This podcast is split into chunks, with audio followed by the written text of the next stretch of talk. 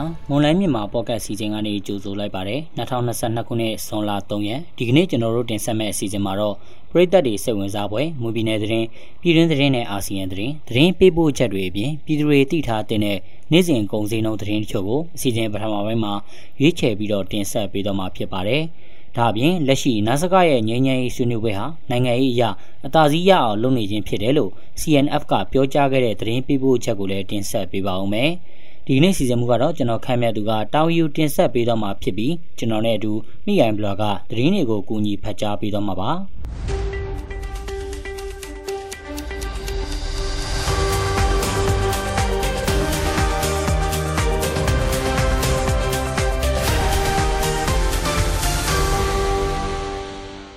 နားဆင်ကြတဲ့ရိတာအလုံးကိုမင်္ဂလာပါလို့နှုတ်ခွန်းဆက်တာပါရစေ။ကျမမီအိုက်ဘလော့ကကိုခက်မြတ်သူနဲ့သူကုညီတင်ဆက်ပေးသွားမှာပါ။ မွန်မျိုးသားပညာရေးဌာနအောက်ကမွန်အမျိုးသားအထက်တန်းကျောင်းတွေကိုအစိုးရအခြေခံပညာကျောင်းသားအရေးအတွက်များစွာပြောင်းရွှေ့လာကြလို့မနစ်ကထက်ကျောင်းသားဥယျာဉ်နှစ်ဆတိုးပွားလာတယ်လို့သိရပါတယ်။အဲဒီလိုတိုးပွားလာတဲ့ကြောင့်စာတင်ကြားဆောင်နားနေဆောင်နဲ့စားတောက်ရေးအပါအဝင်နေရာမလုံလောက်မှုပြဿနာတွေဖြစ်ပေါ်လာပါတယ်။ကရင်ပြည်နယ်ကြာရင်စိတ်ကြီးမြို့နယ်အတွင်းဝန်ပြည်သစ်ပါတီထိန်းချုပ်နယ်မြေရှိဝန်ကဘာမွန်အမျိုးသားအထက်တန်းကျောင်းမှာဒေသခံကျောင်းသားတွေသာမကရေတန်ဖြူစရက်ငူတုံကော့ကရိတ်နဲ့ ကြိုင်မရောကကျောင်းပြောင်းလာကြတဲ့သူတွေရှိတယ်လို့ကျောင်းအုပ်ကြီးကပြောပါတယ်။လာတူရေးမြို့နယ်အန်တင်ကြီးရွာမွန်မျိုးသားအထက်တန်းကျောင်းမှာလည်းနေရာအခက်အခဲဖြစ်လာမဲ့အနေအထားတွေရှိလို့ကျောင်းသားတစ်လက်မခံတော့ပဲကျောင်းသားဟောင်းတွေပဲဆက်ပြီးလက်ခံသွားတော့မယ်လို့သိရပါတယ်။မွန်ပြည်သစ်ပါတီပညာရေးဌာနဗဟိုရုံးအခြေစိုက်ရာ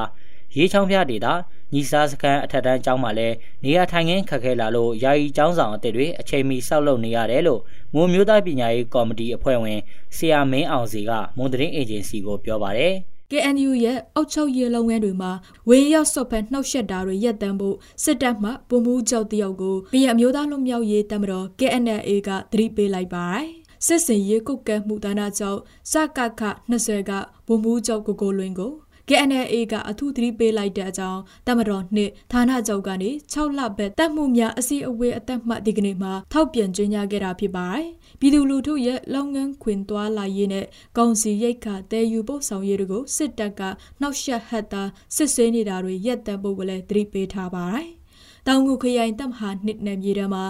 ရှိပြီးသားဖြစ်တဲ့ KNU ရဲ့အုပ်ချုပ်ရေးဆိုင်ရာလုပ်ငန်းတွေနဲ့ပညာရေး၊ကျန်းမာရေး၊တဘာဝပတ်ဝန်းကျင်နဲ့တရားစာသထိန်းသိမ်းကာကွယ်ရေး၊လူသားချင်းစာနာထောက်ထားမှုဆိုင်ရာအကူအညီပေးတာတရားစီရင်ရေးတစ်တော်နဲ့လက်ရကိစ္စရက်တွေအခွန်တော်နဲ့ဗန္ဒာရေးဆိုင်ရာကိစ္စရက်တွေစတဲ့ဌာနဆိုင်ရာကိစ္စအဝဝကိုစစ်တပ်ကဝေရောက်နှောက်ယှက်ဆုတ်ဖက်တာမလုပ်ဖို့ဆိုပြီးထောက်ပြန်ချက်မှာဖော်ပြထားပါတယ်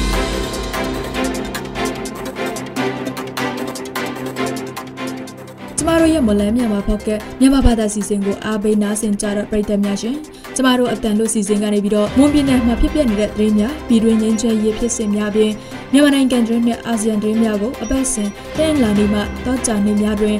9:00နာရီချိန်တွင် Mon New Agency Facebook စာမျက်နှာတွင်ဝင်ရောက်နားဆင်နိုင်လို့မလန်းမြန်မာဖောက်ကစာမျက်နှာတွင်လည်းဝင်ရောက်နားဆင်နိုင်ပါပြီအားပေးကြတဲ့ပရိသတ်များအားလုံးကိုကျေးဇူးတင်ပါတယ်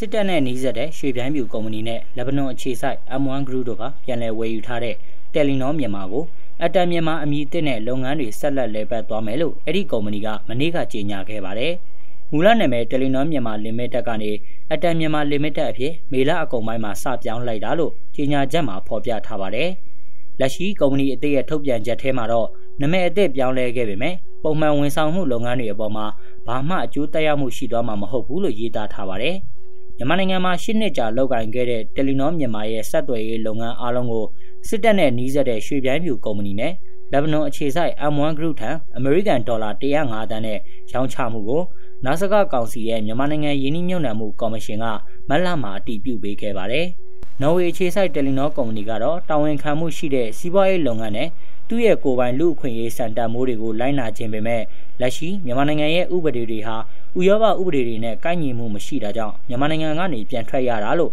မတ်လမှာထုတ်ပြန်ထားပါတယ်။ပန်ရှင်အသစ်ပြောင်းလဲသွားခဲ့တဲ့အတွက်သုံးဆွဲသူတွေရဲ့မှတ်ပုံတင်ထားတဲ့စင်ကတ်အချက်လက်တွေအွန်လိုင်းငွေကြေးဝန်ဆောင်မှုလုပ်ငန်းကအချက်လက်တွေပါဝင်လက်ရှိကွန်ရက်ပေါ်ကဖြတ်တန်းသမျှသတင်းအချက်အလက်အားလုံးနဲ့ပတ်သက်လို့စစ်တပ်ကအလွယ်တကူဝင်ရောက်ကြည့်ရှုမှာကိုတုံးဆွဲသူတွေနဲ့ဤပညာကျွမ်းကျင်သူတွေကစိုးရိမ်နေကြပါတယ်။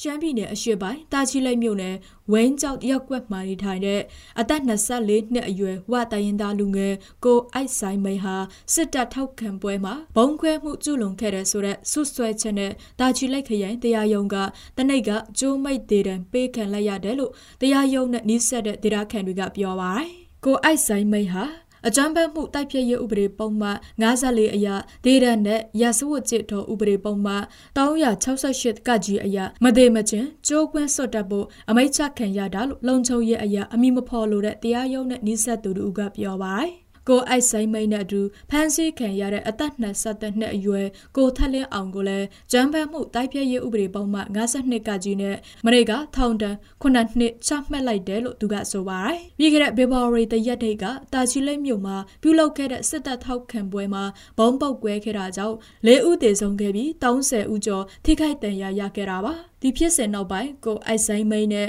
ကိုထက်လက်အောင်တို့ဖမ်းဆီးခံခဲ့ရတာလည်းဖြစ်ပါတယ်။မနေ့ကအမိတ်ချမှတ်ခဲ့တဲ့အကြမ်းဖက်မှုတိုက်ဖျက်ရေးဥပဒေပေါက်မှ54အရအ ਨੇ ဆုံးထောင်ဒဏ်10နှစ်ကနေအများဆုံးထောင်ဒဏ်တစ်သက်ကနေတေဒဏ်အထိချမှတ်ရမယ်လို့ပြဋ္ဌာန်းထားပြီးအခုတည်အမှုမှာရာဇဝတ်ကြေတော်ဥပဒေပုံမှ368ကကြီးနဲ့ပူးတွဲပြီးကျိုးမိတ်ပေးတာဟာပထမဆုံးအကြိမ်ဖြစ်ပါတယ်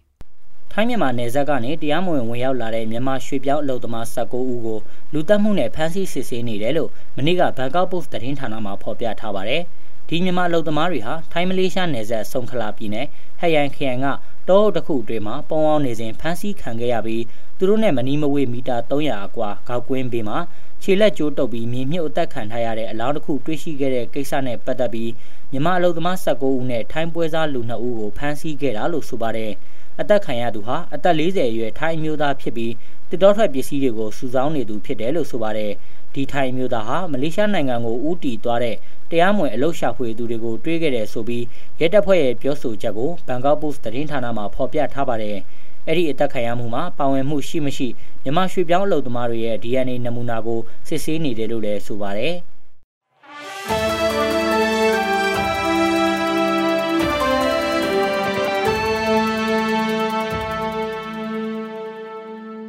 ဆက်လက်ပြီးပြည်သူတွေသိထားတဲ့နေ့စဉ်ကုန်စည်နှုန်းသတင်းချို့ကိုမော်လမြိုင်ကုန်စည်တိုင်းကအချက်လက်တွေကိုအခြေခံပြီးကျွန်တော်ခန့်မှတ်သူကတင်ဆက်ပေးပါဦးမယ်။ဒီကနေ့ထိုင်းနဲ့မြန်မာငွေလဲနှုန်းကတော့ထိုင်းဘတ်60.5ဝယ်ဈေးရှိပြီးရောင်းဈေးကတော့62ကျပ်ရှိပါတယ်။ဒေါ်လာဈေးကတော့အမေရိကန်ဒေါ်လာကိုဝယ်ဈေးမြန်မာငွေ1850.63ရှိပြီးရောင်းဈေးကတော့1855.83ရှိပါတယ်။ရွှေဈေးနှုန်းကတော့ မီလင်း16ပဲတစ်ကျပ်သားကို20သိန်း4300ကျပ်နဲ့15ပဲတစ်ကျပ်သားကို18သိန်း9500ရှိနေပါတယ်။73စီဈေးတွေကတော့ဒီဇယ်1လီတာကို2455ကျပ်အောက်တိန်92တလီတာကို2205ကျပ်နဲ့95တလီတာကို2365ကျပ်အထိရှိနေပါတယ်။ရာဘာဈေးနှုန်းမှာအကောင်းဆုံးကတော့နေလန်းလွတ်တစ်ပေါင်ကို1150ကျပ်ရှိနေပါတယ်။စံဈေးနှုန်းကတော့အကောင်းစားပေါ်ဆံမွေးစံသား90ကို9400ကျပ် အလဲလက်တန်းဆန်မျိုးစာပေါ်ကျွဲတဲ့စံသား80ကို4100ကျပ်နဲ့အမထဆန်တွေကတော့စံသား80ကို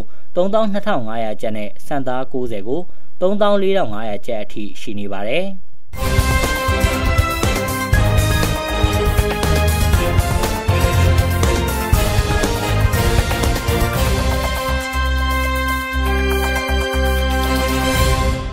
ခုတင်ဆက်ပေးသွားခဲ့တာကဇွန်လ3ရက်နေ့မှာဖြစ်ပျက်ခဲ့တဲ့မွန်ပြည်နယ်သတင်းပြည်တွင်းသတင်းနဲ့အာဆီယံသတင်းတွေအပြင်တနေ့တာစီစေးငွေစည်းနဲ့ကုန်စည်နှုန်းတွေကိုတင်ဆက်ပေးသွားခဲ့တာပါဆက်လက်ပြီးတော့လက်ရှိ NASA ကရဲ့ငြိမ်းချမ်းရေးဆွေးနွေးပွဲဟာနိုင်ငံရေးအရာအသာစီးရအောင်လုပ်နေခြင်းဖြစ်တယ်လို့ CNF ရဲ့ပြောကြားခဲ့တဲ့သတင်းပေးပို့ချက်ကိုတော်တာကတင်ဆက်ပေးပါဦးမယ်။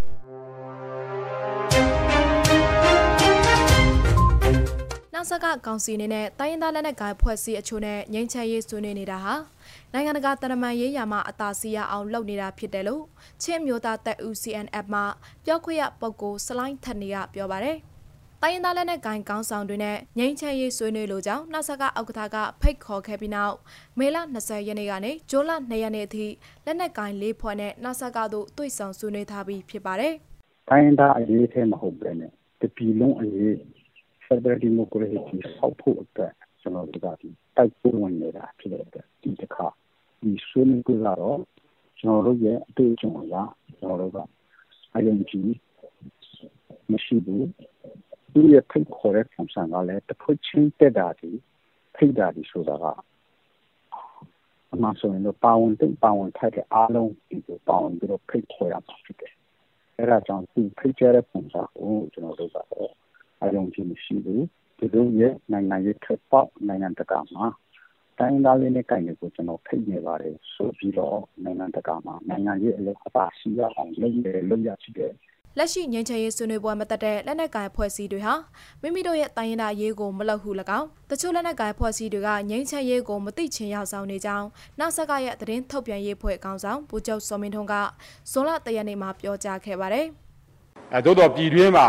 အဓိကတွေ့ရတဲ့တွေ့ရတဲ့အခက်အခဲပေါ့အဓိကတွေ့ရတဲ့အခက်အခဲကတော့ဟိုပေါ့နော်ဓာတ်ရိုက်ပါဝင်ပတ်သက်သူတွေကိုယ်တိုင်တချို့ကဓာတ်ရိုက်ပါဝင်ပတ်သက်သူတွေကိုယ်တိုင်နံပါတ်1ကတော့သိလျက်နဲ့မသိကြအောင်ဆောင်ခြင်းဓာတ်ရိုက်ပါဝင်ပတ်သက်သူတွေကိုယ်တိုင်သိလျက်နဲ့မသိကြအောင်ဆောင်ခြင်းနံပါတ်2အချက်ကတော့ဓာတ်ရိုက်ပါဝင်ပတ်သက်သူတွေကိုယ်တိုင်မသိကြအောင်ဆောင်တာမဟုတ်ဘူးမကြားကြအောင်ဆောင်တာပဲ မသိကြအောင်ဆောင်ခြင်းနဲ့မကြားကြအောင်ဆောင်ခြင်းကအဓိကအခက်အခဲပါပဲ NCA စာချုပ်ဖြစ်ဖို့လာဖို့ဆိုလို့ရှိရင်ဘယ်မှာအခြေခံတဲ့ဆိုလိုင်းစာမှာအခြေခံခဲ့တယ် KIA မှာအခြေခံခဲ့တယ် NCA စာချုပ်ကိုထပ်ပြီးမြင့်တင်တာတို့ NCA စာချုပ်အကြည့်ပြုရတာဘယ်မှာတော့လော်ခီလာမှာ KNU ကခုငင်းညာရေးဆွေးနွေးတဲ့အခါမှာ KNU KNA ပါလာကျွန်တော်တို့ဆွေးနွေးနေတာသူတို့ဆွဲခဲ့တဲ့ဟာတိုင်းကျွန်တော်တို့ဆွေးနွေးနေရလေပါလာအဲ့ဒါကိုမသိကြအောင်ဆောင်ခြင်းလို့ခေါ်တယ် လက်ရှိနာဆာကဟာ2008မှာမပါတဲ့အချိုးကျကိုစားပြု PR နဲ့ရွေးကောက်ပွဲကျင်းပဖို့ပြင်ဆင်နေကြောင်း၎င်းတို့ဖိတ်ကြားတဲ့ငင်းချရေးဆွေးနွေးပွဲကိုမသိချင်ရောက်ဆောင်နေတာမဟုတ်ကြောင်းစလိုင်းထန်နေကပြောပါတယ်။ပြပြပြောရရင်တော့သူ့ရဲ့နိုင်ငံတကာနိုင်ငံရေးထွက်ပေါက်အတွက်အဲ့ဒီလိုလုပ်နေတယ်။အဲ့ဒီထွက်ပေါက်ဆိုတာပါလေဆိုရှင်းနေနောက်ပြီး August မှာသူကဟိုရွေးကောက်ပွဲလုပ်နေတော့အဲ့ဒီရွေးကောက်ပွဲလုပ်ဖို့အဲ့ဒီရွေးကောက်ပွဲတော့ မှာထောင်ရှိခွစီပုံမှာမရှိတဲ့ ဖိအားပုံစံနဲ့သူကလုပ်နေလို့ကျွန်တော်တို့သိရတယ်ဆိုတော့သူကအစိုက်တယ်လို့ပုံနေတယ်ထောက်နေတယ်လက်ရှိမှာနှဆက်ကဥက္ကဋ္ဌဟာရှမ်းပြည်ပြည်လဲသူထောင်ရေးကောင်စီ RCSS မှဗိုလ်ချုပ်ကြီးရွတ်စင်နဲ့၎င်းမွန်ပြည်သက်ပါတီ NMSP သူဥက္ကဋ္ဌနိုင်အောင်မင်းနဲ့၎င်းကရင်မျိုးသားစီယုံကရင်အမျိုးသားလူမျိုးရေးတမတော်ငြိမ်းချမ်းရေးကောင်စီ KNU KNLA PC ဥက္ကဋ္ဌဦးစောထော်လေးနဲ့၎င်း ဝပြည်သွေးစီညီညွတ်ရေးတမတော် UWSA ဒုဥက္ကဋ္ဌဦးလော့ယာကူနဲ့၎င်းတွေ့ဆုံဆွေးနွေးထားပြီးဖြစ်ပါတယ်။မကြခင်မှာအမျိုးသားဒီမိုကရေစီမဟာမိတ်တမတော် NDAA မိုင်းလာဖွဲ့ဟာနာဆကကောင်စီနဲ့တွေ့ဆုံဆွေးနွေးဖို့နေပြည်တော်ကိုလာရောက်နေပြီးဖြစ်ပါတယ်။နာဆကရဲ့ငញ្ချရေးဆွေးနွေးပွဲတို့ RCSS SSA မွန်ပြည်သက်ပါတီ UWSA KNU KNLAPC တို့တွေ့ဆုံထားပြီးဖြစ်တယ်လို့ NDAA ရှမ်းပြည်တိုးတက်ရေးပါတီ SSPP SSA ဒီမိုကရေစီအကျိုးပြုကရစ်တမတော် TKPA ရခိုင်ပြည်လွတ်မြောက်ရေးပါတီ ARP ပအုပ်မျိုးသားလွတ်မြောက်ရေးဖွဲ့ချုပ် PNLO လာဟူဒီမိုရက်တစ်အစည်းအရုံး LDU တို့တက်ရောက်ကြမှာဖြစ်ပါတယ်။သို့တော်လည်းကချင်လွတ်လပ်ရေးဖွဲ့ KIO ကရင်မျိုးသားစီယုံ KNU ကရင်နီမျိုးသားတိုးတက်ရေးပါတီ KNPP မြန်မာနိုင်ငံလုံးဆိုင်ရာចောင်းသားများဒီမိုကရက်တစ်တပ်ဦး ABSDF မြန်မာမျိုးသားဒီမိုကရက်တစ်မဟာမိတ်တပ်မတော်ကိုကတ်အဖွဲ့ MNDAA ပလောင်ပြည်လွတ်မြောက်ရေးတပ်ဦး BSLF TNLA နဲ့ရခိုင်တပ်တော် AA တို့တက်ရောက်မှာမဟုတ်ကြောင်းသိရပါတယ်။အဲ့ဒီနောက်မှာတော့ချင်းမျိုးသားတပ်ဦး CNF ကိုတော့နောက်ဆက်ကဘက်ကဖိတ်ကြားထားခြင်းမရှိကြောင်းသိရတယ်လို့ CNF ကလည်းတက်ရောက်မှာမဟုတ်ကြောင်းထုတ်ပြန်ထားပါတယ်။